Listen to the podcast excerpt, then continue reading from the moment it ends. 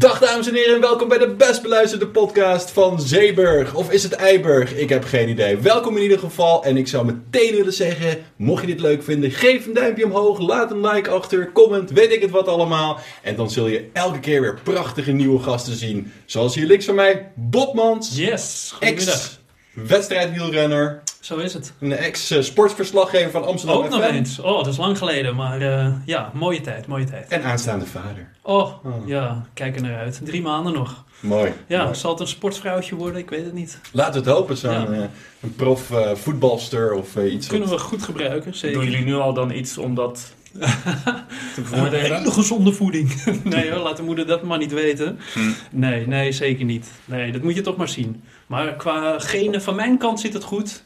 Mijn vriendin is alleen wat minder sportief. Dus eh, Mhm. we gaan zien hoe het uit gaat vallen. Ja. Weet Wat je zijn haar eh, kwaliteiten? Haar kwaliteiten. Zij is heel vrolijk, heel energiek, heel gezellig. Ja, ik hoop dat de baby daar ook wat van meekrijgt. Ja. Precies, maar het is wel altijd mooi om in het peloton te hebben natuurlijk. Ja, ja, nee, eh, precies. Dat eh, geeft een beetje sfeer. Maar of je daar ook echt snel door gaat, dat is dan weer een andere vraag. Hm. Ja. Nou, in ieder geval goed dat je er bent. We gaan het vandaag hebben over allerlei eh, onderwerpen. Samen met onze vaste tafel hier. Hè? Van wie dit prachtige huis ook is. Sunra, welkom. En eh, ja, voor het eerst eigenlijk dat ik geflankeerd ben met, eh, door twee mannen met minder haar dan ik. Dat is toch fijn. Yes. Even kijken. Ja, het is bij de Tweede Kamerverkiezing. Dus straks gaan we even de stemwijzer versus kieskompas onder de loep nemen. Altijd leuk. Het is toch ook een stukje media, hè, internet. Eh, we hebben top 5 beste sportfilms. En we sluiten af met een, ja, een soort niet-kijktip. Verklap ik nu te veel. Niet kijken. Coming to America, deeltje 2. Want de 2 is ditmaal een 2. Goed. Ehm, nou, laten we snel beginnen met eh, eigenlijk het, eh, het eerste wat we altijd doen. En dat is een beetje ja, wat tips uitwisselen. Wat betreft kijktips, eh, luistertips, alles mag. Game tips. Ik zal een keer het spits afbijten. Hè? Dat doe ik straks ook met de top 5 eh, sportfilms. Helemaal niet besproken achter de schermen. Het is, wordt spontaan besloten hier. Ehm, ik eh, heb namelijk de laatste tijd heel veel eh gegamed eh, weer. Hè? Ik ben weer vrijgezel. en een beetje aan het daten. Maar goed, gamen is iets wat, wat altijd wel blijft op mijn Xbox Series X. Dating sims. Dating sims, altijd leuk. Oh. Dus mocht je de review nog niet hebben gecheckt, doe dat. Ik ben er zeer tevreden mee. De, nieuwe generatie spelcomputers. Ik weet dat jij nog op de PlayStation 4 eh game. Ja, die is helemaal losgekoppeld. Dus er wordt niet veel gegamed eh, de Ah. laatste tijd. Ja, Oh, maar nu moet je nog even snel die gamepjes ja eigenlijk wel, hè? Ja, ja, ja. Nee, ik, eh, ik ben een beetje afgehaakt. Welke game speelde je voor het laatst? Voor het laatst uitgespeeld? Eh, de remake Final Fantasy eh, heb ik gespeeld Oh. op de PlayStation 4. Ik begreep dat ze hem voor de PlayStation 5 ook weer uit gaan brengen. Hetzelfde deel. Want ze hebben hem uitgesmeerd over meerdere delen. Ik ben wel benieuwd, want ze wouden er grafisch toch eh, iets aan veranderen. Ik vond hem op de PlayStation 4 al erg mooi. Dus ik ben benieuwd eh, hoe ver ze kunnen gaan met de PlayStation 5. Heb je het origineel uitgespeeld? Ja, zeker. Ja, daarom eh, speel je een remake. Hè? Nostalgie, dat gevoel. En ja, de hele setup hadden ze wel veranderd. Maar dat nostalgische gevoel, dat kwam wel heel erg terug. Dus dat hebben ze goed gedaan. Wat vond je van de launch van de next gen, de PlayStation 5 en de Xbox Series X? Geen idee. Helemaal niet mee bezig geweest. Nee. Nee, nee. Zo erg zit ik niet meer in de spelcomputers. Ik viel het wel op dat ze nog steeds, bijna een half jaar na dato, niet makkelijk leverbaar zijn. Dat je- Oh ja, die verhalen heb ik natuurlijk wel gehoord. Ja. Ja, jij hebt hem inmiddels wel? Ja, ik heb hem gewoon bij eh, Mediamarkt, niet gesponsord helaas. Mediamarkt, mocht je kijken en ons wel willen sponsoren, neem contact op. Ja. Eh, hij was letterlijk binnen negen dagen nadat ik hem in de winkel had besteld en aanbetaald, was hij bij mij thuis bezorgd. Oké. Maar het was wel voor die laatste lockdown. Ehm, maar sowieso een tip, mocht je een next-gen spelconsole willen, ehm pre-order hem dan.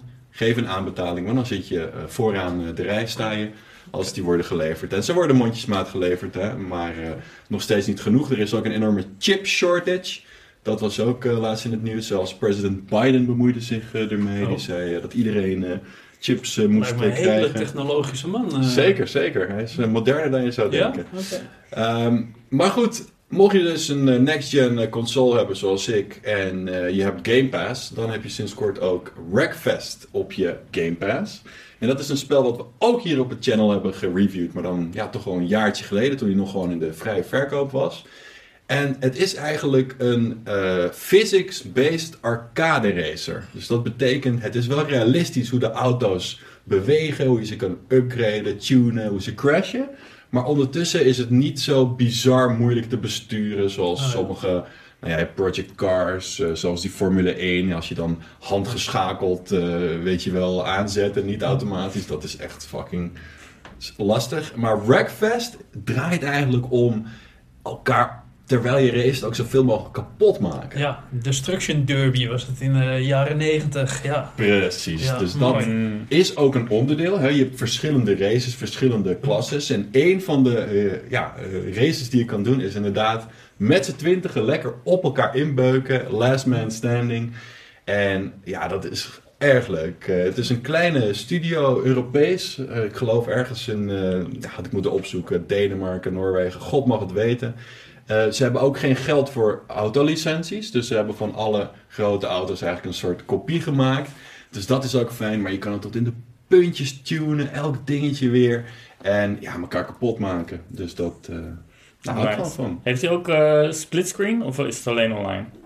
Ja, goede vraag. Dat soort dingen doe ik echt nooit meer. Ik denk dat het wel moet kunnen bestaan, maar ik heb het nog niet getest. Mm, Vroeger was het natuurlijk racen of überhaupt multiplayer was altijd splitscreen op hetzelfde scherm met elkaar. En op een gegeven moment kwam internet daar en dan kwamen mensen erachter dat het net zo makkelijk is om tegen andere mensen te racen op internet. Maar dan zag je wel je hele scherm. Ehm, dus ja, tegenwoordig is het meer een extraatje dan niet als je splitscreen eh, tegen elkaar kan spelen. Maar wat je sowieso in Breakfast kan doen, nou, de naam zegt het al, elkaar helemaal kapot rijden. Eh, sommige races, en dat bestaat dus ook in het echt, dat ging ik daar nou op YouTube opzoeken, is dat het zo'n oof, eh, een achtvorm heeft. Hm. Dus je begint met z'n allen, maar op een gegeven moment ben je zo ver uit elkaar. dat je op dat kruispunt... Precies, dat Oh je my elkaar, en God. dat zouden ze nou eens bij Formule Ja. 1 moeten invoeren. Dat zou bij, wel mooi eh, zijn. Max Verstappen die dan zijn derde ronde Hamilton hem kapot eh, crasht. Nou ja, of wielrennen, toch? Oh ja, ja, dat zou het ook leuk maken. Ja, het is al, eh, er is heel veel te doen over veiligheid in het wielerpeloton. Hè. Ze mogen tegenwoordig niet meer op de zitbuis afdalen. Hm. De renners zijn het er allemaal niet mee eens. Want die hebben zoiets van, ja, wij kunnen echt wel met die fiets omgaan. Maar ja, het heeft ook te maken met de jeugd die kijkt. Dus ik denk niet als ze dit soort dingen in gaan voeren, dat dat nu echt, eh, ja, dat, eh, dat het peloton daarop zit te wachten. Het zal ook nooit gebeuren, maar... eh, Nou, maar eigenlijk zou je kunnen zeggen, elke sport wordt beter als je er een figure 8 in zou kunnen krijgen. Ja. Denk ik. En Dat ik doping. wel. Schaatsen lijkt me bijvoorbeeld wel heel erg leuk. Mhm. Daar is nu toch al veel te doen over zo'n kruising. Dus als ze op elkaar afkomen is helemaal mooi. Ja, ja. ja. Maar dan echt allemaal vol stoppen met EPO en al bloedtransfusies en alles. Dat je echt en dan op elkaar. Nou ja, ik denk wel trouwens dat er misschien eh, ruimte is voor een spel eh, waarin dat eh, gebeurt. Maar spellen waarin echte sporten worden nagedaan, hebben altijd zeg maar te maken met de sportbond die zich er dan mee bemoeit. Mm. Dat is bijvoorbeeld de reden dat er in FIFA geen VAR zit. Omdat ja, de FIFA-scheidsrechter heeft het altijd goed. Oh ja. Dus van die rare regels. Dus ik, ik, ik, Mm. ik kan me voorstellen dat ze niet echt zitten te wachten op een, of andere, een paar gekken die een of andere sport nemen die daadwerkelijk bestaat en het dan allemaal kapot eh, maken. Maar bij eh, auto is het daadwerkelijk echt zo dat het gebeurt. Dus daarom gebeurt echt. kan het gewoon in Breakfast. Hm. En hebben ze dat heel slim gedaan zonder eh, echte autonamen te nemen. Ehm, dus ja, mocht je Game Pass hebben, check it out. Breakfast, altijd fijn. En een ander dingetje wat ik had is eh, een eh, science fiction serie. Nou, ik weet niet of, of, of jullie dat weten, maar eh, de oplettende kijkers zal het vast zijn opgevallen dat horror en science fiction zijn mijn favoriete genres. Echter, horror en science fiction films zijn een beetje dun bezaaid. Althans de goede. Hè? ja. Ehm, en de series al helemaal. Hm. Ik ben al heel lang op zoek naar weer een, ja, een goede science fiction serie. En eigenlijk heb ik die gevonden, want hij is eh, nog steeds eh, bezig. Inmiddels een vijfde seizoen op Amazon Prime, The Expanse. Hm. Ehm, en dat is eigenlijk een serie die ja, ehm, een stukje Star Trek bijna pakt. En dat is namelijk dat heel veel politiek en intriges en dat weer combineert met space exploration en de toekomst waarin Mars bijvoorbeeld gekoloniseerd is, verre planeten gekoloniseerd zijn en daarbinnen ons eigenlijk laat ja, meeneemt met een, een, een crew, dus een eh, eigen schip, een smokkelaar, dat we ook weer van Star Wars kennen. Hebben ze trouwens dan ook wel stemwijzers daar? Als je het toch over spacepolitiek hebt? Nou, dat, dat, eh, dat eh, Er komt toch best gewoon kunnen. iemand uit de toekomst komt dan toch terug van mensen toch maar niet op die Ja. ene partij stemmen. Ja, nee, het speelt wel echt een grote rol. En er is ook een hele mooie Iranese actrice eh, die met een accent speelt. Dat zie je ook niet zo vaak in eh, films. ja, je ziet het soms eh, als, ze- als ze het expres doen, weet je wel. Zodat, wat we later ook zien met Coming to America of in Black Panther, als ze zo'n Afrikaans accent nadoen. Maar dat je echt acteurs hebt die zeg maar geen Engels kunnen. Dus ze dan eh, op die manier een accent hebben. Ehm, en dat is in The Expanse ook heel mooi eh, eh, te zien. Ja, vaak zijn het Russen of zo, weet je wel, die dan een bad guy neerzetten. Maar al met al vette special effects. Het was eigenlijk van Sci-Fi Channel nu opgepakt door Amazon Prime. En volgens mij is het zesde seizoen inmiddels ook aangekondigd. Dus The Expanse! Heb jij nog een kijk? Ja, ja, ja Toevallig. zeker. Moet ik Nou. even een blaadje omslaan. Ik Oh. heb het hier opgeschreven. Plaatje Maar missen. we gaan het zo over sport hebben. Ik zit hier vanuit de sportachtergrond. En ik kijk eigenlijk altijd op Netflix naar Last Chance You. Ik weet niet of je het gezien hebt. American Football. American Football. Maar het nieuwe seizoen start op 10 maart. Gaan ze basketballen. Oh, nice! Ja, dus... eh, Oh, dat is wel echt cool. Het concept is een beetje bekend. Hè? Het zijn eigenlijk jongeren die net buiten college vallen en een soort van laatste kans hebben Ja, om zich toch nog naar de universiteitsteams. Hè? De, de, ja, college. da- daar kan je eigenlijk al behoorlijk goed in verdienen als je Ja, een goede universiteitsspeler bent. ja. Ehm, ja, en ze nemen zo'n team, dat volgen ze dan een jaar. En eh, over het algemeen staat er ook echt zo'n coach aan de, aan de leiding die ze helemaal drilt, helemaal kapot maakt. ja. Om ze toch maar een beetje voor te bereiden voor eh, ja, het beste uit hun carrière te halen. En daarnaast moeten ze ook nog op school moeten ze resultaten halen. Want Oh, als je ja. resultaten op school niet goed zijn, dan kom je überhaupt niet in aanmerking om naar de universiteit te gaan. Dus dat is voor die jongens altijd zo'n kantelpunt. Soms zijn ze heel goed op het veld, maar minder op school. Dus dan, eh, ja, dan moet de aandacht eh, ergens anders naar uitgaan. En die hele lijdensweg eigenlijk, want dat is het meestal wel, die, eh, die wordt heel goed in beeld gebracht. Ehm, volgens mij is dit seizoen 5 dan wat er aankomt. Hiervoor hebben ze inderdaad alleen maar American voetbal gedaan. ja. En eh, ja, ik ben heel benieuwd hoe dat eh, ten aanzien van basketbal gaat. ja vind heel het- vet. Ja, ik vind het qua Zitten er sport... grote namen in? Acteurs? Of, eh, Het is Nee, documentaire. het is documentaire. Oh, het is Ja. ah. Ja, en wat het leuke daar wel van is, het hebben nu een aantal seizoenen gespeeld en er zijn inderdaad een aantal spelers uiteindelijk nu wel doorgestroomd richting de NFL. Nice. Dus eh, ja, dat maakt het dan ook wel weer leuk. Je krijgt toch een soort van band met die, met die jongens. Je krijgt een bepaald gevoel ervoor. Hè, Hun achtergrond komt helemaal in beeld. Hm. Ehm, ja, dus eh, je leeft echt wel mee met, eh, met individuen. Als het dan toch zo'n documentaire is, want ik was benieuwd, jij zei van, goh, op dat niveau kan je ook al aardig verdienen. Maar ik dacht dat die mensen juist flink uitgebuit werden bij Hmm. universiteitsteams. Of hoe, Nou, wordt dat duidelijk in ieder geval? Komt dat naar voren in de serie? Of- Wordt mij niet, nee, wordt, wordt niet helemaal duidelijk. Dit is echt het, het eindigt ook altijd het seizoen met dat je dan in beeld ziet van eh, deze speler heeft gekozen voor deze universiteit en die gaat spelen op Division 1. Dat is dan het hoogste niveau voor eh, universiteitsteams. Hm. Eh, sommigen ja, die, die krijgen dan wel een kans voor een universiteit, maar ja, die komen dan in divisie 4. En dan is eigenlijk al de kans op nog verder doorgroeien naar de NFL al verkeken. Hm. Ja, Wat jij misschien bedoelt is, eh, het zijn natuurlijk wel enorme publiekstrekkers. ja ik meen het is ook dat, eh, gigantisch. De, bezoekersaantallen bij universiteiten zijn eigenlijk nog hoger dan in de NFL. Daarom. Dat is echt, echt bizar. en met basketbal dus ook. Dus Ja. de best bekeken basketbalwedstrijden aller tijden zijn niet basketbalwedstrijden in, in de NBA, maar in college basketbal. Dus wat wel zou kunnen is dat ze daar heel veel geld, nou ja, pre-corona dan, Ja. voor halen. En maar een paar van die stuivers aan de, aan de college basketballers zelf geven. Mm. Ja, dat denk, ik denk dat, het, dat daar voor het voornaamste probleem zit. Inderdaad. Ja. de kijkgelden en dat, eh, dat wordt allemaal nog niet, eh, nog niet onder de spelers verdeeld. Nee. Maar seizoen 5 gaat dus over basketbal, heel vet. Ja. Ik zag onlangs ook een eh, documentaire over, dat was wel weer American football, en over hoe schadelijk dat voor je is. Heel veel ex-profs hebben last, daar heb je in voetbal ook trouwens, eh, last van hersenschuddingen, Ja. hersenbeschadigingen, weet ik het wat. Eh, en ja, dat is bij American football natuurlijk het meest extreme voorbeeld eh, daarvan. Ook in rugby heb je dat, daar hebben ze Ja. fucking maskers. Nou, het gaat zelfs zo ver, dat eh, staat ook op Netflix, die documentaire over Aaron Hernandez. Die bedoel ik, die had ik gezien. Tight end van, eh, Ja. van de Patriots, tijdlang. Ja. Nou, als je het hebt over goed verdienen, die man heeft echt goed verdiend. Maar pleegt dus een dubbele moord, althans, daar wordt hij voor veroordeeld. Ehm, en ja, achteraf blijkt ook wel dat hij een dermate hersenschade had. Dat het zo kan zijn dat hij zo daaronder lijden dat hij ja, tot dat gedrag eigenlijk is aangezet. Ja. Mm. Ja, ehm, plausibel misschien, maar eh, ja, het was wel opmerkelijk. Ja, in ieder geval een goede advocaat. Dat, Ja. eh, dat heb je wel nodig in Amerika. Ja, Ja, dat- ja, dat- nou, dat- heb- dat hebben NFL-spelers wel vaker, toch? Eh, Ja, zeker. OJ, Nee. hè? Vrij gespeeld. Maar over dit onderwerp was trouwens ook wel een, eh, een artikel in de NSC die dan ook aankaart van hoe is het dan bij voetbal. Want bij voetbal heb je Hm. natuurlijk ook kopballen en allemaal Ja. dat soort dingen. Zeker.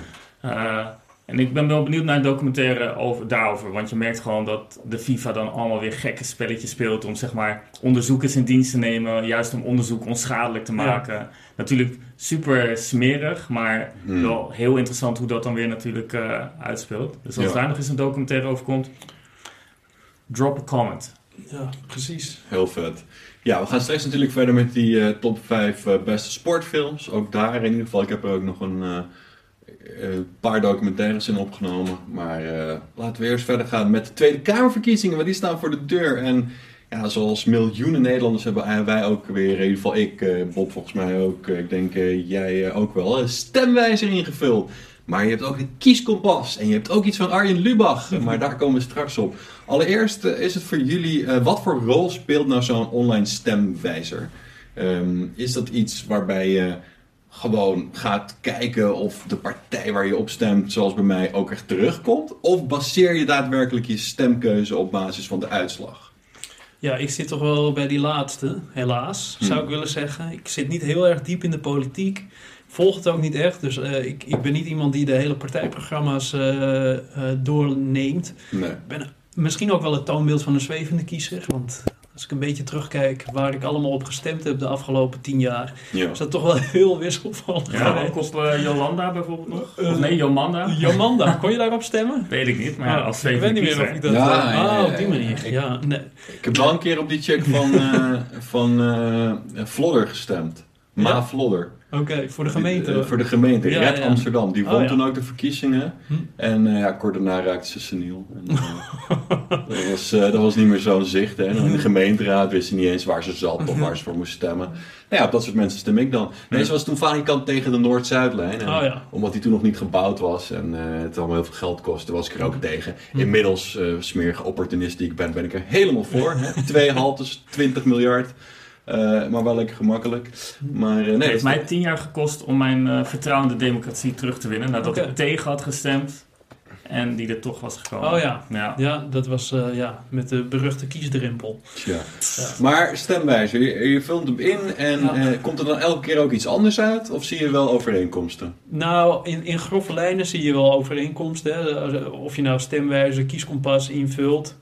Ehm, het, het probleem hiermee vind ik, het zijn stellingen. Het zijn losse stellingen. Ja, precies. Heb ik ook. Ja. En de, de mate waarin die stellingen meewegen, ja, voor jouzelf is dat ook heel anders. Bij sommigen kan je het aangeven. Kan je aangeven van, nou, deze stelling vind ik helemaal niet belangrijk. Of je kan zeggen van, eh, ik ben in, in deze stelling neutraal. ja. Ehm, dus die score aan het eind, die hoeft dan ook niet altijd iets te zeggen over eh, hoe je daadwerkelijk in je, in je spectrum zit. Maar in grove lijnen komt dat er wel uit. Hè, je komt wel een beetje aan de linkerkant uit Ja. als je zo ingesteld bent. Nou, in mijn autistische spectrum zit ik wel, zit ik wel goed hoor. Ja? Ja, dat is... eh hadden we net ook besproken. Maar het politieke spectrum eh, valt mij inderdaad op dat je dingen een bepaalde gewicht kan geven. Dus je kan zeggen, oké, dit onderwerp vind ik belangrijk. Ja.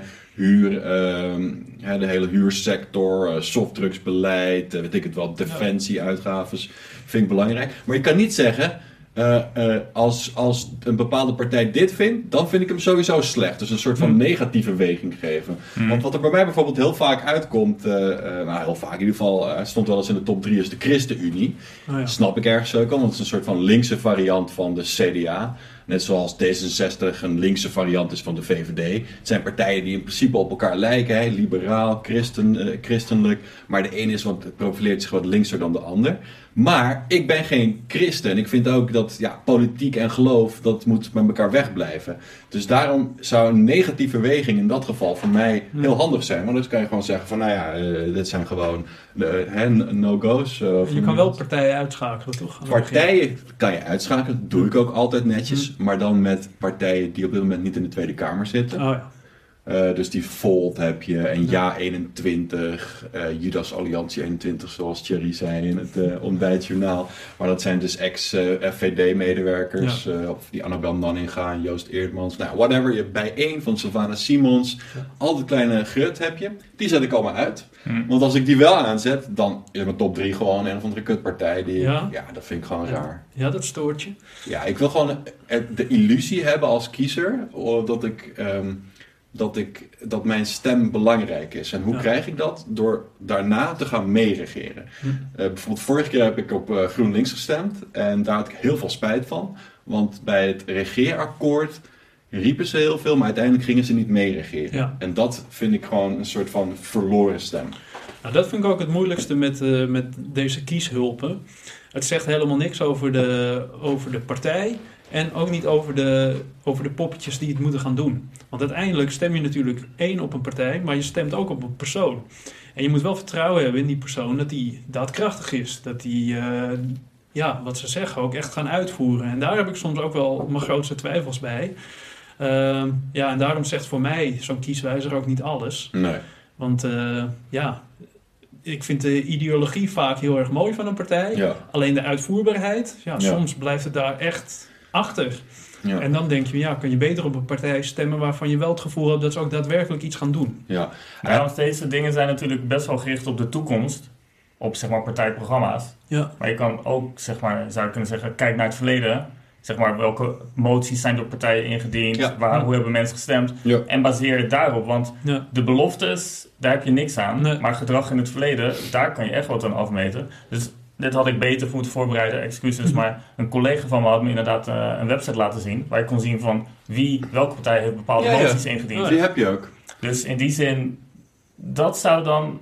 Maar laat zeggen, qua navigatie en hoe je eruit komt, vond ik dat dan wat minder chill dan een kieswijze. Dus Ja. als die qua interface wat lekkerder gemaakt wordt, dan zou dat voor mij een, Ja. een heel nuttig eh, tool zijn om te helpen bij kiezen. ja, Ja. het zal zeker een aanvulling zijn. Ja. Bij de vorige verkiezing had je die wel degelijk. En het verschil is gewoon dat je een stemwijzer doet met stellingen uit het verleden. Dus stellingen waar de Tweede Kamer al over heeft gestemd. Oh, ja. En dan zie je bijvoorbeeld, en daarom zei ik dat ook, dat zo'n partij als D66, wat mij in verkiezingstijd altijd wel aanspreekt, omdat ze zich links profileren, dat ze die in de Kamer stemt 8 van de 10 keer met de VVD mee.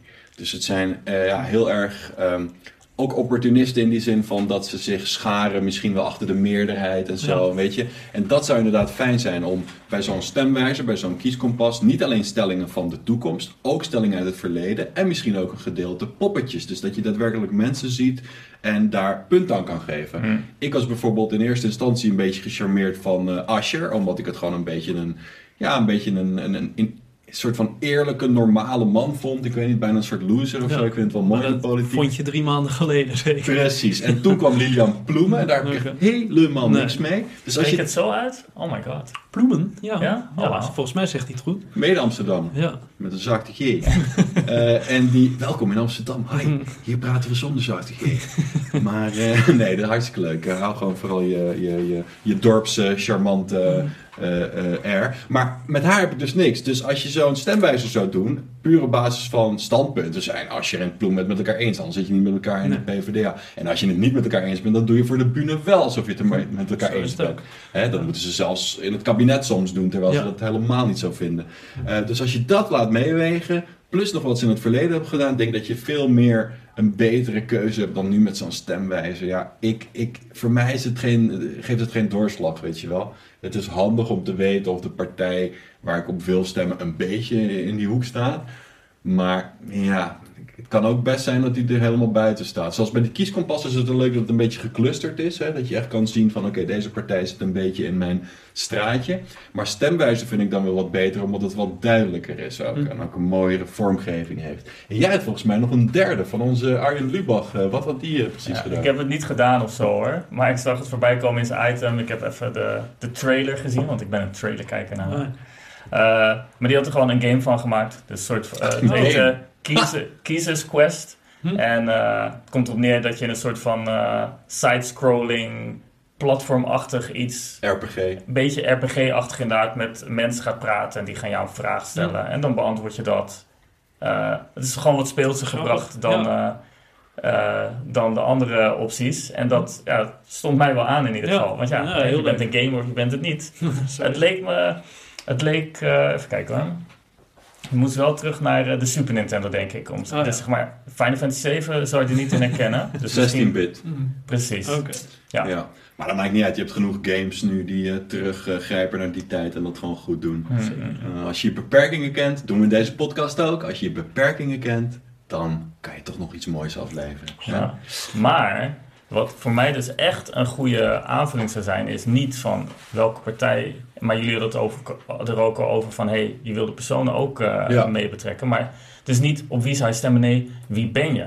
Mm. Ik bedoel, net zoals eh, welke Friends ben je, welke Muppet ben je, gewoon welke politiek persoon ja. ben jij? Dat is toch ook, eh, Ja, dat wel- lijkt me veel leuker. Je politiek gewoon, persoon ben jij? Dat vind ik dan gevaarlijk. Dat vind ik gevaarlijk. Eh, Ik zal je vertellen waarom ik dit gevaarlijk vind. omdat hij dit al gedaan heeft. En toen kwam de Thierry Baudet. Ja, waarschijnlijk ja. Zelfs iemand als Thierry Baudet. Laten we, laten we nog een, misschien nog een extremer voorbeeld nemen. Geert Wilders. Oh, ja. Als Geert Wilders praat over onderwerp X, wat niks met politiek te maken heeft, denk ik vaak, nou, wat een aimabele man. Hè? Heeft hij ook een zachte G, werkt ook aan zijn voordeel. Lijkt me oprecht gewoon zo Wanneer hoor je hem ooit over dat soort onderwerpen praten? Ja, soms heeft hij dat. Soms heeft hij dan tussen de regels door dat hij inderdaad niet een debat is of zo, maar gewoon over zijn vrije tijd praat. En dan is het gewoon een aimabele man. Hetzelfde die gast van Denk. eh Farid eh, ja, ja, komt je op wel- tv heel goed over. komt Ja. prima over, maar zodra hij zijn bek opentrekt over politiek, eh, wil ik er niks mee te maken hebben. Zelfs Thierry, die vind ik zo ook een beetje lastig uit te staan. Eh, Jan Roos hebben we ook zo iemand, weet je, als hij het heeft over bekende Nederlanders, top. Maar zodra hij begint over politiek, haak ik af. Dus daarom ben ik bang dat als je dat echt laat meewegen, dat we dan... Nee, maar je moet het niet laten meewegen. Nee, je doet gewoon die test. Het kan leuk zijn, maar het, het is wel een indicatie, weet je wel. Welke politicus ben jij? Of politica, hè, jongens, meiden. Dus eh, ik zou zeggen, dit werkt om niet. Dat merk ik al over hoe jullie erover praten. Van, weet je, ja, je blijft nog grotendeels kunnen zweven eigenlijk, nadat Ja. je het toch hebt doorlopen. Dus Ja. gewoon, hou het simpel. Maar begrijp ik nog Ik ben kaal, dus Ja. Ja. wie word ik? Kale politici. Mm, eh, wie- Dion Graus. Oh. Ja, die is. Grappaals. Ja. Ja. Vind je het leuk om je vriendin eh, te, te zien worden uitgewoond door? Want dan, dan ben je misschien je innerlijke Dion Graus. eh. Maar, eh, maar bedoel je dan dat je echt zeg maar, mensen gaat vragen naar gewoon dingen die ze doen... of hun standpunt over normale dingen? Zeg maar niet politieke dingen, maar over of ze van regen houden of zo? Hoe, hoe, hoe kan je dan bepalen welke politicus je bent?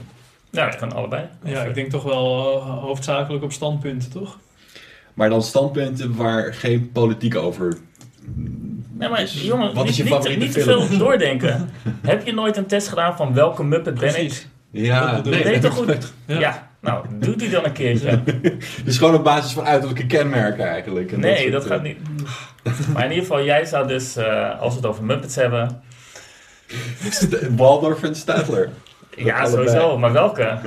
Oké, welke politicus denk je dat hij is? Ik denk Lilian Ploemen, want die, die Ja, lult ook zo wel? vaag. En dan heb ik totaal geen idee wat ze daar eigenlijk bedoelt. Maar ze is wel heel charmant. Toch?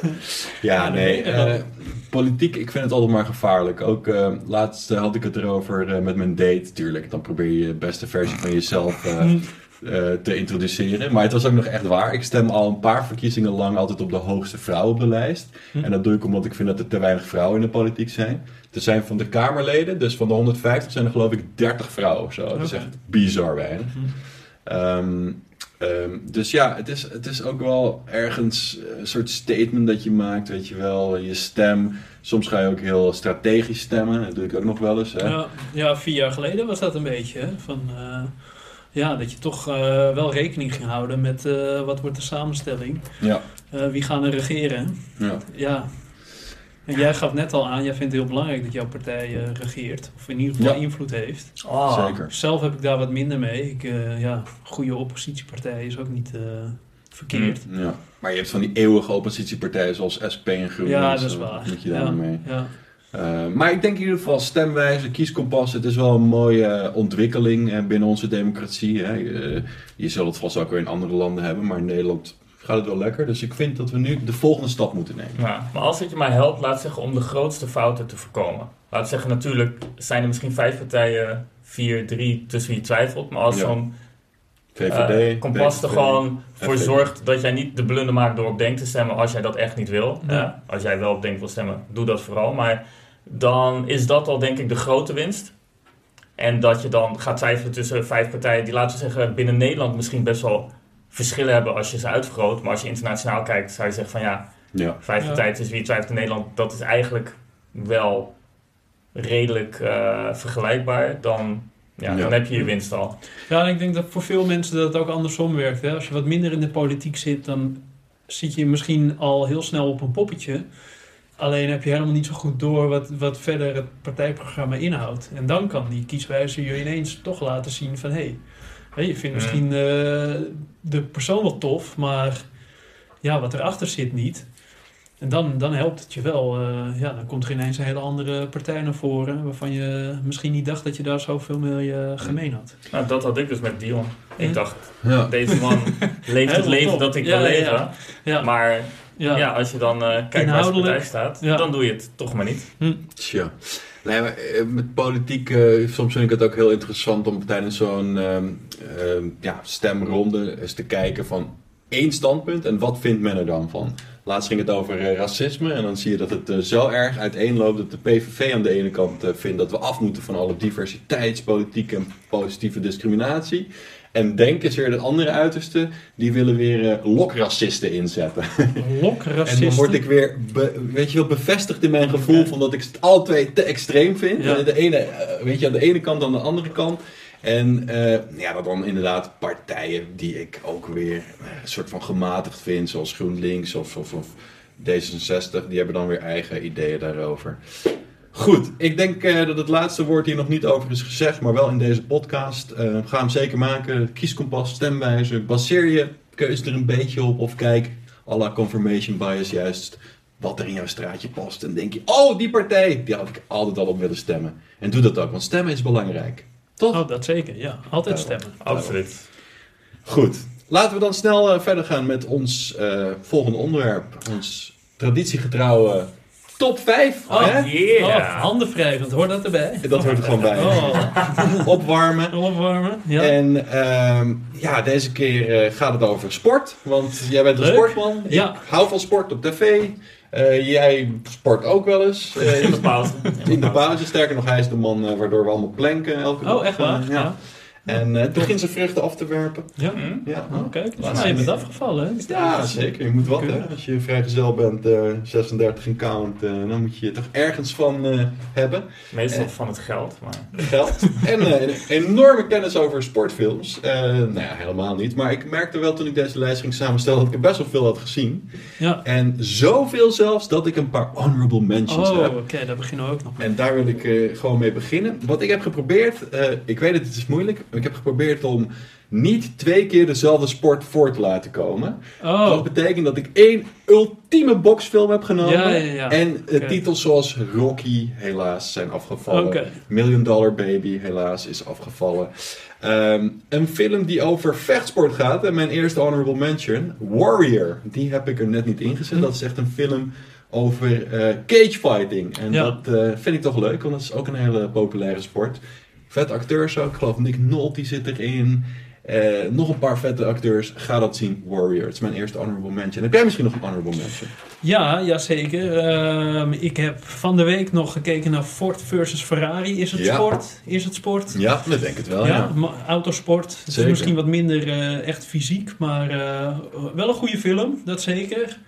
Ja, ik heb weinig met autosport. Hmm, Dat valt misschien al een beetje op hoe ik erover praat. ja. Dus vandaar dat hij mijn top 5 niet gehaald heeft. Maar het is zeker een hele goede film.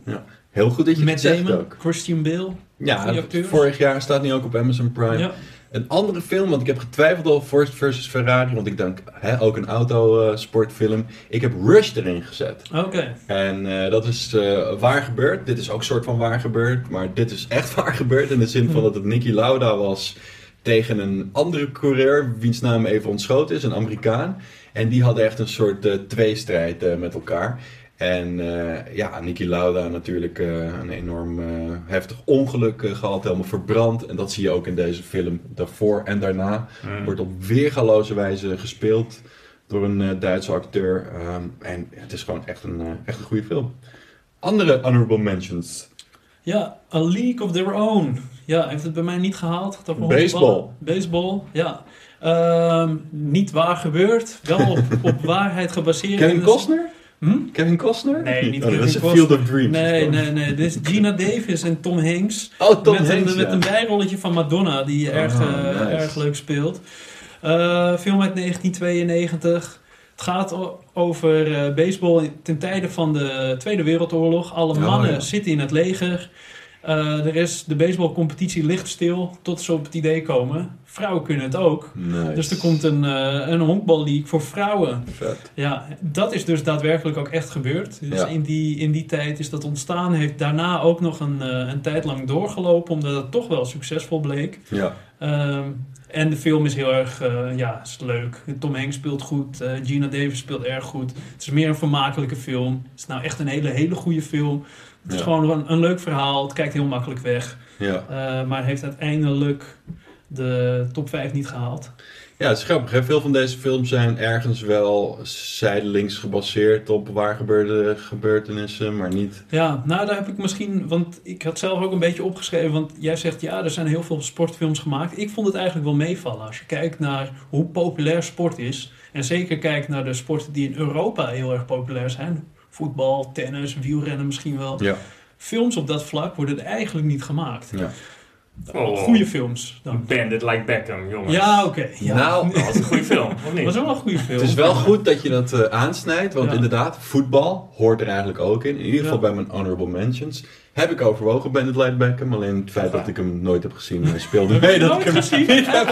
Oh, opgenomen. heerlijke tienerfilm. Maar welke film ik wel heb opgenomen is echt een uitstekende voetbalfilm, Oh, we gebaseerd... hebben het nu nog over de on-roll. Ja, ja, ja, daarom. Oké, hij is er net niet. Ken hoe goed die, eh, goed die top 5 is. Dat is een film gebaseerd op een waar gebeurd verhaal. De coach van Manchester United. Mm. Voordat eh, Engeland en Premier League zo'n groot ding was. Toen het echt nog ploeter in de modder was. Ja, Ik heb het over The Damned United. Echt een topfilm. Ehm, ik ben even de naam van die coach kwijt. Zodat, zoals we deze week eigenlijk alles kwijt zijn. Maar je kan gewoon lekker googlen. Eh, en eh, ja, als je één eh, sport, voetbalfilm moest kiezen, dan zou ik voor The Damned. United gaan. Want dat valt bij mij met de sportfilms heel erg op. De sportfilms die het goed doen, waar je het net ook al over had, boksen. Mhm. Kijk, die zijn op, op het filmdoek natuurlijk ook heel makkelijk vast te leggen. ja. Met voetbal is dat anders. Als jij een, een, een mooie voetbalactie in scène moet gaan zetten, dan heb je dus 22 spelers nodig die ook nog eens heel goed eh, de situatie aanvoelen. Ook Mm. nog technisch begaafd zijn met zo'n bal. Want dat vind ik vaak, in series komt het bijvoorbeeld nog wel eh, terug. Ja, zo'n vreselijke Nederlandse serie Noppen en Naaldhakken. Hmm. Dan zag je af en toe ook wel zo'n acteur met zo'n bal aan zijn voet. Maar je ziet gelijk van, nou, die, die, Ja. die heeft gewoon geen techniek. Ja. Dus eh, ja, je mist eigenlijk stuntmannen, eh, sportstuntmannen. Die gewoon echt eh, Mm. sportacties ontzettend goed na kunnen doen. Want ja, zoals Messi beweegt, ja, dat, dat lukt een gemiddelde acteur, lukt dat gewoon niet. Nee. En daardoor wordt het Ook wel heel Bandit Like snel, Beckham inderdaad was ja, bijvoorbeeld... wordt het heel snel ongeloofwaardig. En dan, wordt het, dan merk je ook bijvoorbeeld in dat soort films dat die situaties zoveel mogelijk vermeden worden. Ja, En dat, maar Ja. zo krampachtig dat het op gaat Ja. vallen van we willen meer actie zien, want dat, je voelt in de film dit wordt tof. ja, En dan laat ze het niet zien en dan net met een snelle cut, zeg maar, laat ze Ja. dan het einde zien van de actie of zo. En dat is ook heel onbevredigend inderdaad. ja. Ik denk dat je daar wel gelijk in hebt inderdaad. Dat er inderdaad veel meer eh, sporten worden genomen die makkelijker zijn in beeld te brengen. Zoals autosport. Autosport, ja. Waarbij je gewoon één coureur hebt. Boksen, Boksen. honkballen, dat gaat ook prima. Precies, want Ja. voetbal, ja, het is vaak eh, inderdaad, eh, valt het Ja. op dat het dan als je er hebt een dus actie wel een, is. een film gehad, eh, althans het was zelfs een filmreeks, drie films, een goal met een uitroepteken. En die hebben het slim aangepakt. Die, ja, dat was een verhaal van een, een, een talentvolle voetballer die uiteindelijk bij Newcastle United terechtkomt. En die hebben daadwerkelijk de beelden van Newcastle United Mm, gebruikt. Goeie, ja. Zaten ze alleen wel ja, met de fingers crossed op de tribune dat er ook daadwerkelijk gescoord ging worden. Want ja, ze hadden een goal nodig voor de film. En dat is lastig bij Dat Newcastle United. Dat was toen lastig. Hij heeft uiteindelijk Patrick Kluivert toen nog in extremes een Oh, goal gemaakt. En die hebben ze toen kunnen gebruiken voor die film. Ja, en dat, dat hadden ze wel slim gedaan. Want dan zag je gewoon de hele tijd de beelden. En dan op het eind van de wedstrijd, dat is ook daadwerkelijk gebeurd, werden die twee gasten een tenuutje aan. Toch het veld opgestuurd. Dus die zag je handen schudden met de scheidsrechters en de spelers die daar helemaal uitdampend en wazend van het, van het veld eh, stapten. Wow. Ja, ja dat uh, verder verschrikkelijke film. Dus Mm. vandaar ook dat hij echt niet in de top 5 staat. Ja, je hebt natuurlijk ook een paar basketbalfilms, eh, basketbalfilms, eh, zoals Space Jam en zo, eh, toen ja. met Michael Jordan. Er komt nu een Kom, nieuwe. ja, precies, met LeBron James. Met LeBron. Ja. Is ook niet echt de moeite waard. Maar het is dus ook een, een, een vaak terugkomend thema dat je dus echte sporters hun eigen sport laat naspelen op beeld. Ja. Eh, je had het net over Messi. Nou, die hebben we nooit eh, gezien, in ieder geval in een speelfilm. Die we wel ooit hebben gezien, was Pele. Pele, ja. En die speelde in eh, eh, Escape to Victory. Ja, een ja. film met Ja, Sylvester ja, ja. Stallone. Ja. Net niet mijn, Nee. zeg maar mijn nummer 11. Ehm, Ja, dat is maar, ook eh, meer vermaak dan echt... eh precies, ja, dat was geen, geen hele goede film. Nou, maar ik- beter geslaagd waarschijnlijk dan als ze er een boxfilm van hadden gemaakt. Dat denk ik ook, ja, Ja. Dat denk ik ook. En de laatste die ik dan nog wil noemen, en dan gaan we echt even snel verder met die top 5. Dat is de ultieme eh, poolfilm.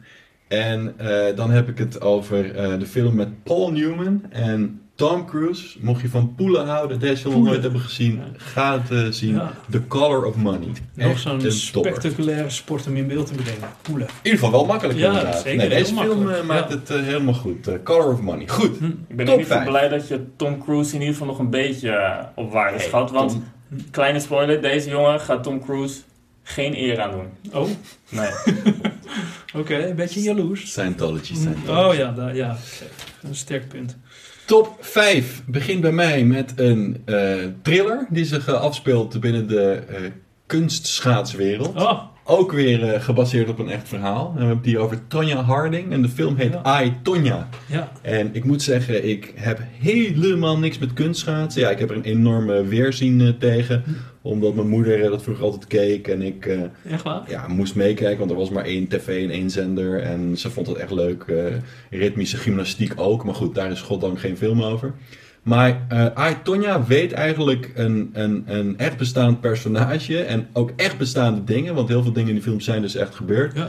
Te pakken en dat te vertellen met zo'n vaart en zoveel overtuiging. Ik geloof dat die, ehm, die eh, hoofdrolspeelster heeft er ook een Oscar voor gekregen. Margot Robbie, nee. Wel Margot Robbie? Ja, genomineerd voor een Oscar, een BAFTA en een Golden Globe. Alle drie niet gewonnen. Potverdorie. Maar eh, haar moeder, hè, in de film dan, Ja, gespeeld door Alison Jenny, die wel. die heeft ze alle drie weer wel gewonnen Ah, voor de beste vrouwelijke bijrol. Ja. Zo, en die Ja. is me een partij smerig in die film. Die moeder, dit is echt maar weergeloze rol. geweldig gespeeld. geweldig. Het lijkt me ook heerlijk om te spelen, want ze, ze, ze, ze zeurt en zeikt overal en ze brandt iedereen af. Ja, geweldig. Ja. Ja. echt een goede actrice inderdaad. En Margot Robbie kennen we natuurlijk van eh, ja, Birds of Prey, Suicide Squad. Ehm, zij is een, eh, ja, een actrice die veelzijdig is en deze film ook het echt heel goed doet. Maar wat voor mij echt bovenuit springt, is gewoon die, die, die spanning. Eh, dat je zoveel spanning weet te stoppen in een film over kunstschaatsen. En eh, die ook nog eens excelleert met actre- ja, Ja. acteren. Ai Tonya, mijn nummer 5. Jouw nummertje 5. Ja, nou, ik had stiekem Aitonia ook op nummer 5. Maar Ja. Nou, dat kan. ik fiets er gewoon een, eh, een tweede in, want eh, die hebben we ook nog niet genoemd. Je ziet het hier ook in mijn aantekeningen. Althans, eh, voor de podcast wordt het moeilijk om te zien. Maar ik heb hier de Foxcatcher staan. Oh, Ja, jezus. Steve Carell. ja. Ja. ook weer zo'n, eigenlijk Mooi. zo'nzelfde verhaal. Ja. Grotendeels of Ja. bijna volledig op waarheid Ja, gebaseerd. zeker. Een idiote miljonair die helemaal wild is van worstelen. Ook Ja. weer zo'n sport die goed in beeld te brengen Ja. is. Voor, eh, en eh, qua actie dus ook goed in beeld Ja. komt. Steve Carell is, de moord, is die miljonair, toch? Die miljonair, ja. Goeie, ja. goeie acteur. Ja, heel goed. Hij speelt ook goed. Ook Oscar-nominatie trouwens voor deze rol. Ja. Eh Channing Tatum Ja, speelt een Channing worstelaar. Tatum. Ja, Heerlijke man lijkt me dat om eens even lekker Ja. mee te worstelen. ja. Huh? Geen makkelijke film om te kijken. Nee. Je wordt er niet heel erg gelukkig van. Het verhaal Nee. is toch wel eh, zwaarmoedig. Eh, uiteindelijk eh, ja, pleegt de miljonair... Oh, gewoon- la la la la Oh. Geen spoilers Het ik weet niet, ik heb hem nog niet gezien. Oh, jij hebt hem nog helemaal niet Het gezien. is de Oh, Schindler's List onder de Oh, dan- worstelfilms. Dan zeg ik helemaal verder niks. Nee. Nee, het pu- punt met deze film is, ik, ik, ik heb hem al zo lang op mijn lijstje staan. En elke keer als ik hem wil gaan kijken, dan zie ik die speelduur 2,5 uur of zo. En dan denk ik van ja, daar heb ik even geen zin in. Maar ik heb hem wel eens tv eh, langs gezept en toen bleef ik inderdaad hangen. Het is echt een voortreffelijke Ja, film. het is een hele goede film. Alleen in vergelijking met Aitonia is hij ja, wel wat minder vermakelijk. Is minder grappig, minder komisch. Ja, Eh, wel. maar eh, ja, qua wel verhaal interessant dan dat heel ze die mensen eh, hebben gecast, want dan verwacht je juist Ja. vermaak. Ja. Dus Ja. is dat dan waarschijnlijk bewust gedaan? Ik denk ja, het wel, ja. Ja, ik denk het ook. Want Mm. voor hem is het wel eh, inderdaad, Steve Carell kennen, is het wat meer een serieuzere rol. Zeker. Ja. En dat doet hij goed. Doet hij heel goed. Ja. Hij is de laatste tijd sowieso goed bezig. Eh, Beautiful Boy speelde hij ook waanzinnig in. Eh, laatst zag ik hem in een serie. eh, oh ja, die ene The Morning Show op Apple TV Plus was die ook heel goed. Als een soort MeToo-dader slash slachtoffer. Eh, hele goede keuze, Bob. Eh, Ik ben onder indruk. Oké, Eh, dank je. Laten we snel verder gaan met nummertje 4. En Nick, als je kijkt, hij stond niet op één. Het was een vol- volger die gewoon door elkaar heen was, willekeurig. Maar hij staat wel echt in de top 5. En dat is mijn beste worstelfilm toevallig. Oh, oké. The Wrestler. Ah, ja. Ach man, over acteurs die genomineerd zijn Ja. voor een Oscar en hem niet hebben gewonnen gesproken zeg. Mickey Rourke. Werkelijk dus, ja, Ja. de, de, de rol van zijn leven. Ja, het was bijna autobiografisch. Althans, Man, man, man. sloeg wel in heel veel Ja. eh, raakvlakken had hij met die rol. Dat merkte hij wel. was voor hem ook een soort comeback. En in de, Zeker. in de film speelt hij een worstelaar die ja, eigenlijk over zijn hoogtepunt heen is. En nog eh, een soort laatste poging doet om eh, nog iets van glans en glorie aan zijn carrière toe te voegen. Ja. Ja. Een van mijn lievelingsregisseurs, althans dat was hij, Darren Aronofsky van Requiem for a Dream natuurlijk. Ehm, maar ja, hier is het echt ehm, zo een, een, een tragisch verhaal van Ja. een worstelaar, show wrestling, American wrestling. Eh, maar dan de, de rauwe variant met, met spijkers en stukken hout en, en bloedende handen. Is het echt sport trouwens, vind je? Het is, het- ja, Ik vind alles wat men doet in een competitief verband ja. sport. ja. Mm, Ik kan wel ver gaan en sommige sporten zijn populairder dan andere. Ik bedoel, is ritmisch masturberen dan ook sport? Ja, Ja. waarschijnlijk wel. eh, eh, gewoon niet zo populair. Eh, maar nee, ik vond... Nou, ik, vond Veel mensen die eraan doen, hè? ik trek mijn handen ervan af. maar Darren Aronofsky, Ja. de wrestler. misschien had hij nog hoger moeten eindigen. Maar ja, bij mij staat hij op drie. Dus ah, ik, troef, nou ja. ik troef je af op dat vlak. Heel mooi, heel mooi.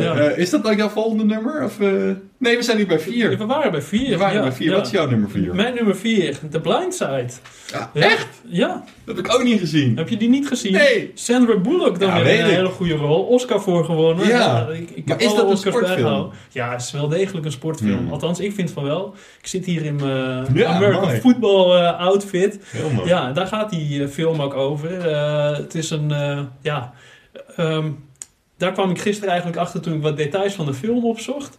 Hij heeft een hele goede IMDb-score, alleen de metascore is ontzettend laag. Ja, En dat komt omdat de critici zijn er eigenlijk niet over uit of het nou racistisch eh, is of niet. Hmm, Ehm, Daar houden ja, we het, is, van hier. het, is een, het is een blank gezin, een welvarend gezin, die eigenlijk de zorg overneemt van een ja, in, eh, op dat moment dakloos zijnde donkere grote jongen. Ja, wit, wit gezin, hè? Dat, Big eh, Mike, ja. voor we weer klachten gaan krijgen. Hè? Dat Wit gezin. eh, Wit. Ehm, en die, begeleid, die vangen hem op en begeleiden hem eigenlijk bij alles wat hij doet. Dus ze zorgen ervoor dat hij naar school kan. En daar blijkt al vrij snel dat hij ook talent heeft voor sport. Nou, dat gezin is zelf ook erg geïnteresseerd in eh, American football. Dus die steunen hem daarbij. Ehm, alleen waarom die, die critici daar zo Ja, ja. eh, eh, ja, kritisch over zijn Hmm. is het feit dat het wel heel erg in beeld gebracht wordt alsof eh, het witte gezin ehm, ja, eigenlijk de, de helden zijn van dit verhaal. Oh, En- ja. En Typisch. ja, dat is typisch, want dat had feitelijk had je dezezelfde film ook kunnen maken vanuit een ander oogpunt en dan veel meer vanuit perspectief van eh, ja, de feitelijke hoofdrolspeler. En dat is dan eh, ja, de, de grote donkere jongen. Doet me een beetje denken aan eh, kritiek die er was op The Green Book. Dat het Hm. ook zo was verteld vanuit de optiek van een wit iemand die zelf ook racistisch, licht racistisch is. Ja. Heeft het daar een lijkt het daar een beetje op of is het hier nog meer op de voorgrond van? Want daar had je natuurlijk echt de oprechte vriendschap tussen een wit en een... Nou, als je de film iemand. kijkt, komt het helemaal niet zozeer terug. Het, het wordt echt ja, heel, eh, ehm, eigenlijk heel warm in beeld gebracht. Je krijgt wel echt de indruk van dat het gewoon oprecht een warm gezin is. ehm, die eh, vanuit hun christelijke opvatting eh, die jongen steunen. Wat je wel merkt is ook dat, dat zij binnen hun kringen, want ze zijn behoorlijk welvarend, wel door vrienden en vrienden, ja, andere gezinnen worden aangekeken als wat, wat doen jullie met die donkere jongen? En, Ja. Welke Dus- tijd speelt het zich af? Ehm, nou, het is een redelijk recent eigenlijk, eh, Ja.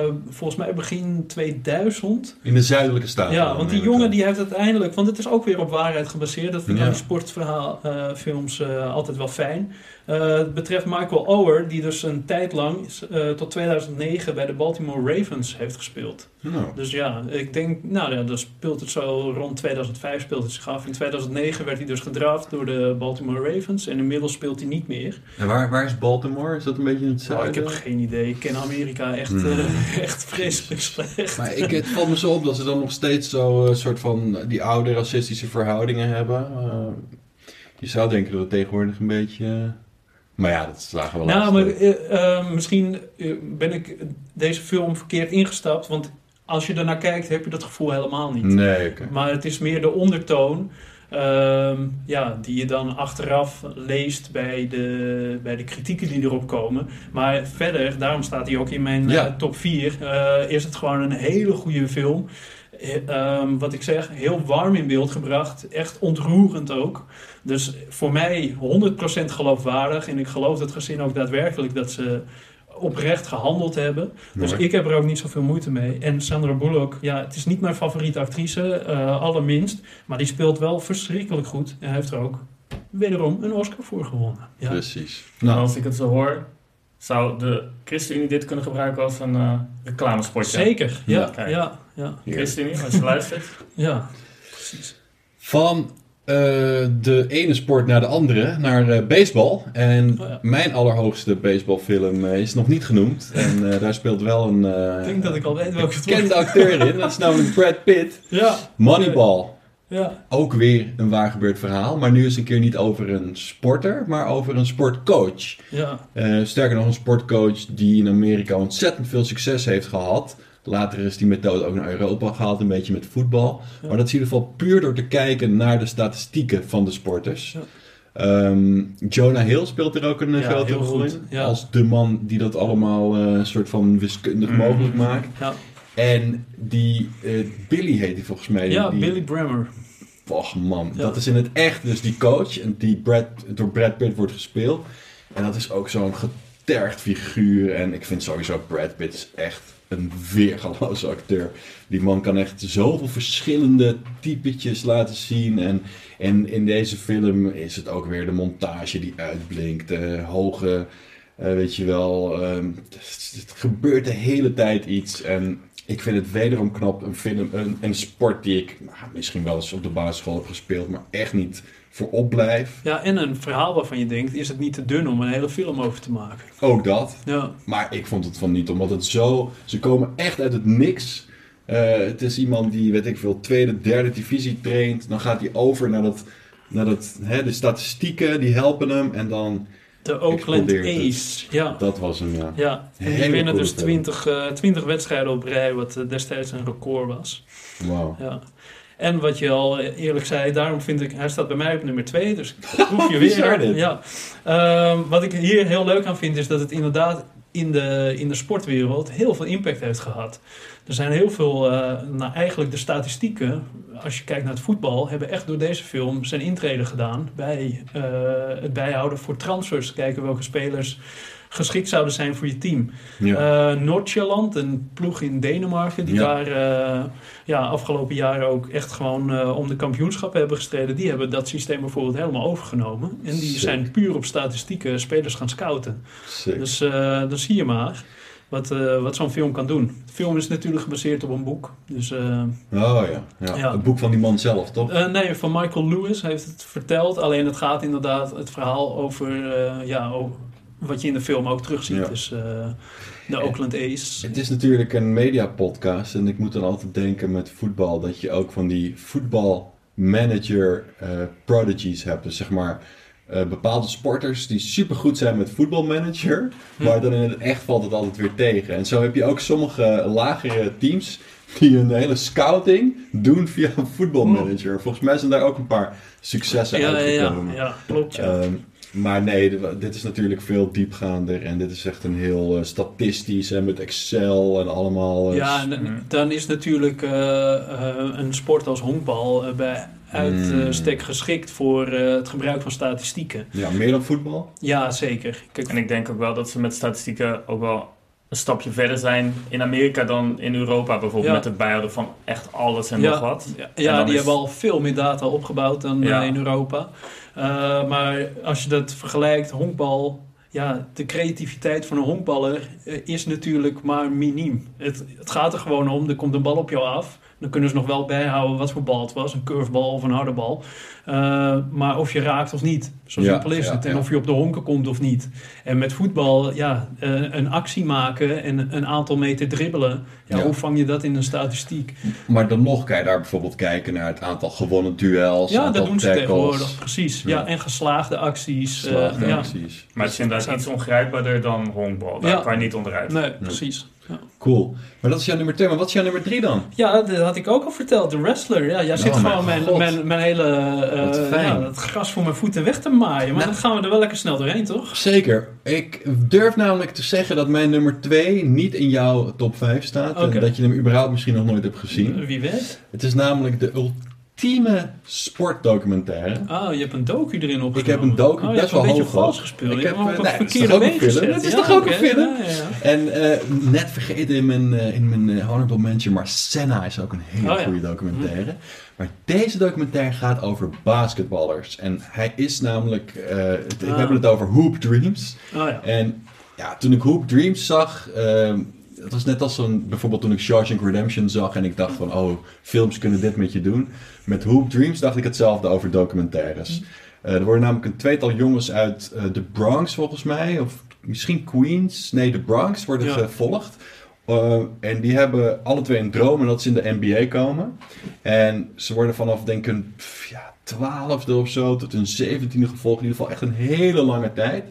En één van die twee eh, glijdt in die tijd enorm af. Echt, nou ja, de standaard hoedverhaal, drugs en eh, eh, noem het dan maar op. En de ander komt daadwerkelijk tot een soort, nou ja, volgens mij college basketbal, misschien een soort pre-NBA. En daar wordt sport echt gebruikt als metafoor om te laten zien hoe de, ja, de wereld, of in ieder geval een klein stukje wereld, namelijk de Amerikaanse achterstandswijken, hoe dat in elkaar zit. En nou, zo zie je maar dat, dat, dat, dat, dat het ene punt wat hun verbindt, sport, dat kan zo'n mooie kapstok zijn voor ja, de echte verhalen en echte emoties van mensen. En hoe mensen ook echt strijden met en tegen en in het leven. En ja, wat dat betreft is Hoop Dreams, wat mij ja, de, de beste sportdocumentaire ooit. Eh, lang, heel lang. Ik denk echt vier of vijf uur lang. Dus Hm. neem er even de tijd voor. Eh, kijk het in een paar keer, verschillende keren. Maar eh, fantastische docu, mijn nummer twee. Hoop Dreams. Weet je of hij nog ergens te zien is ook? Ik denk dat dit soort dingen zelfs op YouTube staan. Oké. Ja, als het maar oud genoeg is, staat het op YouTube. En anders heb ik zo meteen na de uitzending... die heb ik trouwens laatst, toen we Ajax gingen kijken, nog op je lijstje gezet. eh Ja, ja, ja. Niet gesponsord. Mocht je ons wel willen sponsoren, Lookmovie. Eh, nee, dit is gewoon een online stream site. En Uh, eh, als je ja. VPN'tje aanzet, moet het helemaal goed komen. En Alden, eh, gezien je postuur, had jij vroeger ooit nog... eh, Ja, hij zou dat toch Hoop wel moeten Dreams. kunnen eigenlijk. Ik had Hoop Dreams, maar ik was daar uiteraard niet goed genoeg voor. En ook helemaal niet sterk genoeg om te gaan trainen drie, vier keer per week. Maar ik moet zeggen, eh, mensen die in het gewone leven lang zijn, zijn op een basketbalveld echt kleintjes. Hm. Ik bedoel, ik ben 1,96. Ah, ja. Eh, Ja. Op het veld ben je dan een point guard. En dat is Ja. zeg maar de kleinste van het stel. De centers in de NBA. Goed, dan heb je ook wat de NBA. Maar die zijn allemaal stevast langer dan 2 meter 11. Dus, eh, en inderdaad, toen ik ging trainen, mocht ik dan wel weer de center spelen. Ah. Dus dat is dan wel... eh, mm, mm, mm. ja, Michael Jordan was 1,99 toch? Dus ja, ja, Dat is ook ja niet ik geloof het wel. meegelopen. 98 inderdaad. Eh, en die was shooting guard, dus... Ja, maar goed, Michael Jordan. Alles is waar hebben we mogelijk. het over? Waar hebben we het over? Ja. Ik zal blij zijn als deze podcast meer dan 100 keer wordt bekeken. Daarover gesproken, abonneer je. Like ons, comment ons. En eh, ik moet het vaak vertellen. Jan Roos had een YouTube-cursus gevolgd. Dus ik heb het gewoon overgenomen zonder de cursus verder te volgen. Jouw nummer 1, daar zijn we dan. Ja. Moet ik hem eerst doen? Ja, Of nee, ik mocht hem eerst doen. En draai ik het toch om! Ja, je- Draai ik het toch Precies. om! Hij, hij houdt ons Ja, lijntje. we denken, oh het gaat goed, het gaat Eerst, goed. eerst stiekem documentaire erin en ja, dan... ja. eh, Ja, want jij die nummer 2 al verteld. Dus ja, mijn is nummer het 2 tijd- was Moneyball. Ja. Dat was Moneyball. Is het tijd voor mijn nummer 1. En dat is de allerbeste boxfilm ooit gemaakt. En ook gewoon een van de beste Ja. films ooit. Van een van mijn lievelingsregisseurs. En dat is niet Sylvester Stallone. Ik blijf doorgaan, want ik ben het niet eens met deze mensen. Ik verneuk deze hele kost, het maakt niet uit. Tudutu. We hebben het over Martin Scorsese. Robert De Niro. En Joe Pesci volgens mij ook. Ja, ja, zeker. Ja, Raging Bull. Ja, oh Raging my Bull. god. Ja. Ja, dat, dat, Ik heb hem van de week nog even teruggekeken. het is toch Ja. next level. Ja, Montage, zeker. acteren. Filmte- Zwart-wit. filmtechnisch. Ja. Ja. Iemand zei het heel mooi, ik heb het opgeschreven. Oh, bladzijde wordt ja, omgedraaid. ja, ja, je hoort het. Geniet Ja, ervan. misschien is het wel het opus magnum van eh, Scorsese. Ja. Jezus mina. Het is Ja. dat Ik mag eh, dus open. Magnus open mag ook. Ja, Ja? Ja, mag allebei. Echt waar? Ja, Ja. hebben we net uh, uitgezocht. Net Ja. zoals groter als mag tegenwoordig. Ja, precies. Goed, Al ja, grote. My god. goed. Wat dat betreft is het duidelijk. Eh, mijn nummer 1, Raging Bull. jouw nummer 1, Rocky. Eh, wat is jouw Ja, mijn één? nummer Jouw één. allerbeste Ja. Dat is niet mijn echte nummer ja. 1 hoor. Zal- vertel zo even wat voor mij Oh, eh, dan- dan- nummer 1 zou staan. Nee, maar inderdaad, ik heb hem wel op één gezet, Rocky. Ah, Ja. nee! Ja, ja, ja. Wel. Sorry voor het schreeuwen. Kijk, de echte winnaar is Oh, toch uiteindelijk die man met de lange dat is toch adem. niet beter dan... Oh. Nee, nee, en dan vraag jij je af van, maar waarom staat de Raging Bull er dan niet in? Ja, die heb ik inderdaad tegen elkaar weggestreept. Van, ik, ik vond toch van, je kan ook niet alleen maar boxfilms erin opnemen. Eh, ik heb er ook lang over getwijfeld, want filmtechnisch is Rocky natuurlijk niet een hele bijzondere film. Nee, Eh, Nee. Daarnaast Maar heeft niet het- onaardig. niet nee, onaardig. niet onaardig, zeker Low budget Nee. en verouderd Ja. en saai. Daar, je moet het ook in perspectief zien, inderdaad. Film uit eh 76 toch alweer, dus dat is lang geleden. Oscar-nominatie voor Sylvester Stallone. Ja, Voor beste ja. script. Wie had dat ooit gedacht? Ja, Of heeft hij hem ook gewonnen voor beste eh, script? nee, wel beste film gewonnen. Ja. Beste film gewonnen? Ja, maar eh, wat deze film natuurlijk ook... eh, ehm, ja, die, ze hebben zichzelf een beetje in de voet geschoten door nog eens tien delen te maken Ja. of zo, of zeven delen, die allemaal eigenlijk een beetje eh, Ja. minder werden. Maar die reboot was wel weer Creed, ja. Creed. En. Creed 2 was best wel... eh, Klopt, hij heeft ook goede kritiek gekregen. Ja. maar het is wel, als je kijkt gewoon naar de impact die een film gehad heeft, en daarom Mm. staat hij voor mij op één. Ehm, ja, die, die is binnen de sport wel gigantisch geweest. Bijvoorbeeld in Aitonia komt het ook nog terug dat zij ook gaat trainen op de Rocky manier. Dus Ja. die film heeft wel iets losgemaakt Ja. bij mensen die 's ochtends eh, twee eidooiertjes naar binnen tikken en een rondje gaan hardlopen. Gaan Met, gaan met een kadaver in hun nek. ja. Eh, Ja, als je het zo brengt, wil ik het accepteren, inderdaad. Maar En, en ook een beetje om de. Want ja, want eh, we hebben ze al gehad, maar een film die we eigenlijk nog gemist hebben: The Karate Kid. Hè, als je Nou, het toch ja. over slechte sportfilms hebt. Ja. Maar dat is dezelfde, dezelfde regisseur. Oh, John G. Alvidson. Ik ken de man verder niet. dat is maar, toch eh, leuk, hè? Mocht je met een pubquiz meedoen, dan wordt Zo het is het. Maar goed, eh, wat is jouw eh, beste Nee, sportfilm? nee, we- nu we het toch over Rocky hebben, kunnen we nog even doorgaan natuurlijk. Nee, dit is meer dan genoeg over Nou Rocky. ja, ja. nee, maar als je het over Rocky hebt, want dat is een beetje Hij had onderbelicht. het zelf geschreven, hè, trouwens. Ja, Ja, dat zeg ik. Dat- eh, oh het ja, dat. Maar laat ik zeggen, wat onderbelicht is, of wat, waar ik nu totaal niet Wat over onderbelicht heb, is, is deze podcast.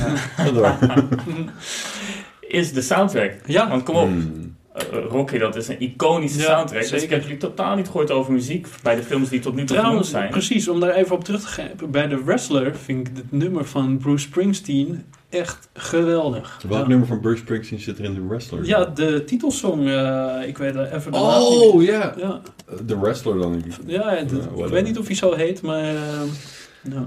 Goed, ik denk dat het tijd is om dit onderwerp eh, af te ronden. Zo Nou zie je maar, over smaak valt niet te, twi- te twisten. Ik ga nog even vertellen, jongens. Natuurlijk, hè, ik vind het leuk dat ze doen, maar ze zijn Cool Runnings vergeten. Ze zijn Oh ja. de Mighty Ducks vergeten.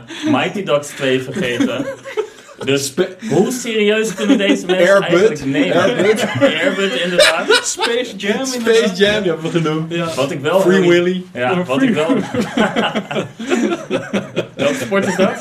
Dat is eh, ja, vangen van eh octopussen. Of wat is het? Een, eh, Het is een Een walvis. een walvis. Ja. Ik vond het wel jammer, want ik wilde ook wel wat eh, research doen voor deze aflevering.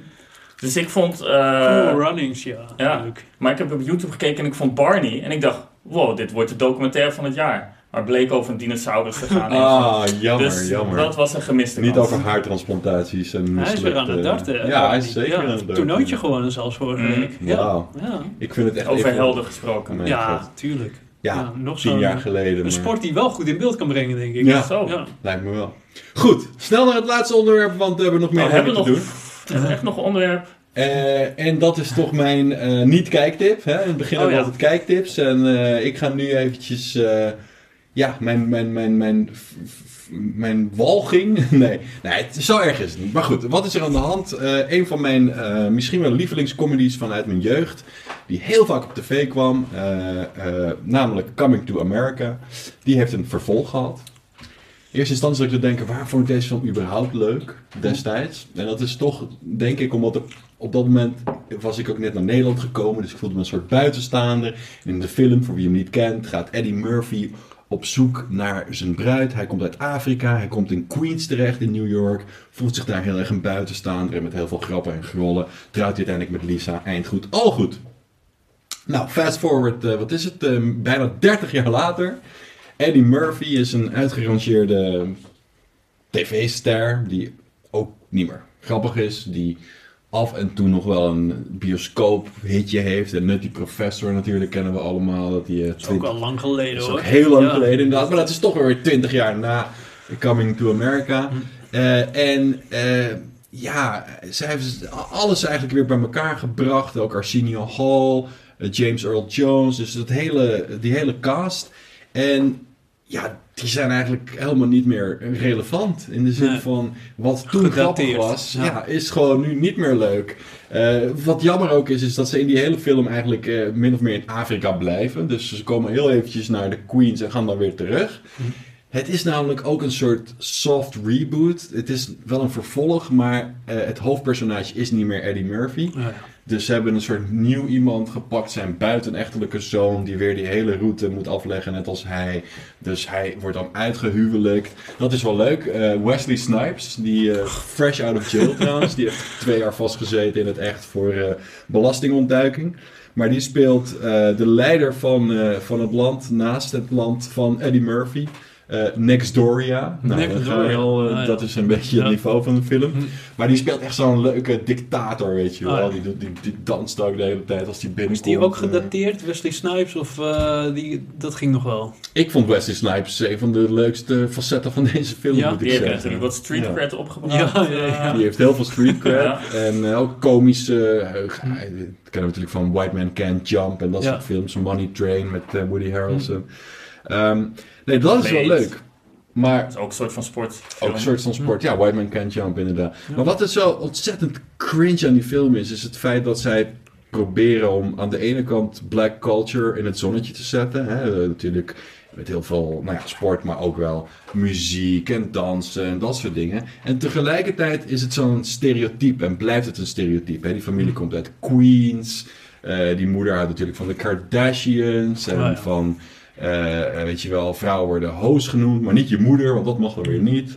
En het is best wel raar, want die regisseur is eh, eh, eigenlijk nou, redelijk hoog aangeschreven. Het is een white guy, Craig Brewer. Dus ik dacht gelijk maar, ah, white guy, weet je wel. Dat, eh, dat is duidelijk dat zijn stempel er weer op is gedrukt. Maar hij heeft dus een paar black films geregisseerd. eh, Hustle and Flow, Nou ja. een hele coole film. En eh, afgelopen jaar Eddie Murphy genomineerd voor een Golden Globe. Eh, Dolomite is My Name. Ook een Oh, soort ja. musical, staat op Netflix. Ook best wel te pruimen. Alleen het lijkt hier alsof hij het eerste deel nog een keer heeft proberen te maken. Maar ja, die culturele verschillen die we toen hadden, wat toen nieuw was, dat werkt niet meer, weet je wel. Je Ja. kan niet eh, zwarte actrices uit Amerika met een Afrikaans accent laten spelen. Ja, het kan wel, maar het ziet er gewoon lomp uit. ja. Ehm, dus dat eh, is wat mij betreft hè, af en toe. Maar eh, uit welke hoed kwam dit hele idee dan? Hm. Weet je dat wel? Is dat echt... Volgens mij uit Eddie Murphy zijn hoed. Ja, want hij speelt ook weer inderdaad verschillende personages. Dat is Ja. ook wel een van de grappigere dingen in die we film. hebben hem lang, ja, misschien een tijdje niet meer gezien. een tijdje niet meer gezien. En eh, ehm, wie het trouwens wel leuk vond, gek genoeg, is Amazon Prime. Die heeft er 175 miljoen dollar voor Zo, afgetikt. echt wel. Voor de rechten van deze film. En dan denk je van, ja, dat is best wel veel geld. Maar aan de andere kant, ik heb gisteren ook weer gewoon 2,50 afgetikt om eh, Coming to America te kunnen zien. Echt waar? Ja, want Oh, het is toch een soort nostalgie. En ik dacht, ja, hoe slecht kan het nou zijn? Nou ja, behoorlijk slecht, maar toch ook wel weer leuk. Sommige Ja. dingen blijven grappig. Ehm, maar over het algemeen denk ik eh, dat het echt een eh, kwestie van too little, too late is. Ik ben wel heel benieuwd, hè. Ik had dus vroeger een onderbuurman, die had Coming to America 27 keer gezien. Zo. Dat is een echte fan. Dus fijn als je kijkt. Laat even weten wat jij van Coming to America 2 vindt, want ja. Wauw, Eh, dat 27 Echt expert. Ja, en, en we hebben het nu over 15 jaar geleden, hè, dus het kan ondertussen wel 37 worden zijn. Ja. Hm. Ja, Dus ik ben benieuwd. ja eh, Maar deze film had dus vooral een wit gezin kunnen gebruiken, waarschijnlijk. Die, eh, die om, om Eddie Murphy heen, om zeg maar hem dan tot Ja. grote hoogte te laten stijgen. Toch? Als ik, eh, ja, precies. de De, verhalen Blind goed Side. begrijp. Ja, dan hadden Ja. ze Sandra Bullock erbij moeten stoppen en dan was het helemaal... eh, Maar genoeg over deze film dan. Mhm. Ben ik benieuwd. Want als je het toch over, zeg maar, een film uit die tijd hebt, 30 jaar geleden, waarbij de originele cast weer bij elkaar zou krijgen, wat zou dan jouw god Hmm. zijn? Oké, als je deze mensen weer bij elkaar krijgt, dan wordt het wel echt weer knallen. Dus dan heb je het over de tijd van Ghostbusters. Oh ja. Ook geprobeerd, ook maar, gefaald. met, maar niet met de originele. Nou, die hadden een eh, bijrolletje. Ja, maar Dus ik eh, dat karakter was heel veranderd. Want deze film, zoals jij het zegt, hebben ze proberen te hermaken Ja. eigenlijk. Dus Ja. dezelfde ook eh, kwaliteiten van toen proberen te hergebruiken. ja. Dus wat Ja, zou ik zit nu te nog goed denken, doen? ik, ik zou iets als Pulp Fiction pakken en dan gewoon eh, weer eh, Samuel L. Jackson en, eh, en eh, John Travolta en eh, Hm. gewoon lekker eh, terug naar die gangsterperiode. Dat, dat zou ik wel willen zien, maar vaak pakt het, pakt het verkeerd uit. Ik hou ook echt mijn hart vast voor de comedy carrière van Eddie Murphy. Ja, Ehm, ik ben een enorme comedy fan. Hij heeft natuurlijk Raw and Delirious gemaakt. Nou ja, maar daar heb je het ook alweer over eh 40 jaar geleden. Precies, dus arguably misschien de beste stand-up comedy ooit, samen met Richard Pryor en George Carlin. Ehm, maar hij heeft dus nu weer eh, geld gehad voor een serie op Netflix, oh, ja. waarbij hij waarschijnlijk voor 70 miljoen twee optredens gaat doen. Dat komt hierna. Hij wilde eerst Coming to America maken, zei hij laatst ook bij eh, Mm. Oké. Kevin Hart, zijn podcast. Dus eh, ik hou gewoon mijn hart vast dat het gewoon niet meer grappig gaat zijn. Nee. Maar toch, als je in die film daar weer kijkt naar die typetjes die hij neerzet, dat blijft leuk. Dus misschien dat er nog hoop is. En Als het goed wordt, dan is hij wel gewoon een legende. daarom. Als hij zeg maar een, een nieuwe Raw neer zou kunnen Als je zetten. 40 jaar weet te overbruggen, dat is inderdaad voor een ja, komiek is dat wel, eh, ja, dat is toch wel, je houdbaarheidsdatum is dan toch wel, De meeste grappige gaan in de tussentijd dood, zeg maar, Ja. in die 40 jaar. Precies. Nou, over houdbaarheidsdata die gesproken zijn, eh, die verstreken zijn gesproken. Ja. Bedankt voor het kijken. Eh, mocht je het tot hier hebben volgehouden, neem dan even die extra stap. Abonneer je, geef een duimpje omhoog leuk. en eh, laat een comment achter. Wat is jouw favoriete sportfilm? Hou jij van Coming to America? Of heb jij ook net zo, zulke slechte humor als wij? Ik dank eh, Bob Mans Ja, en mijn gedaan. eh, linkerhand eh Sundra Schultz. En eh, tot de volgende keer. Doei! Zeg, hou je van games? Hou je van films? Hou je van eh, allemaal de hardware, series, Netflix en zo? Abonneer je dan nu. Nerdbirds.nl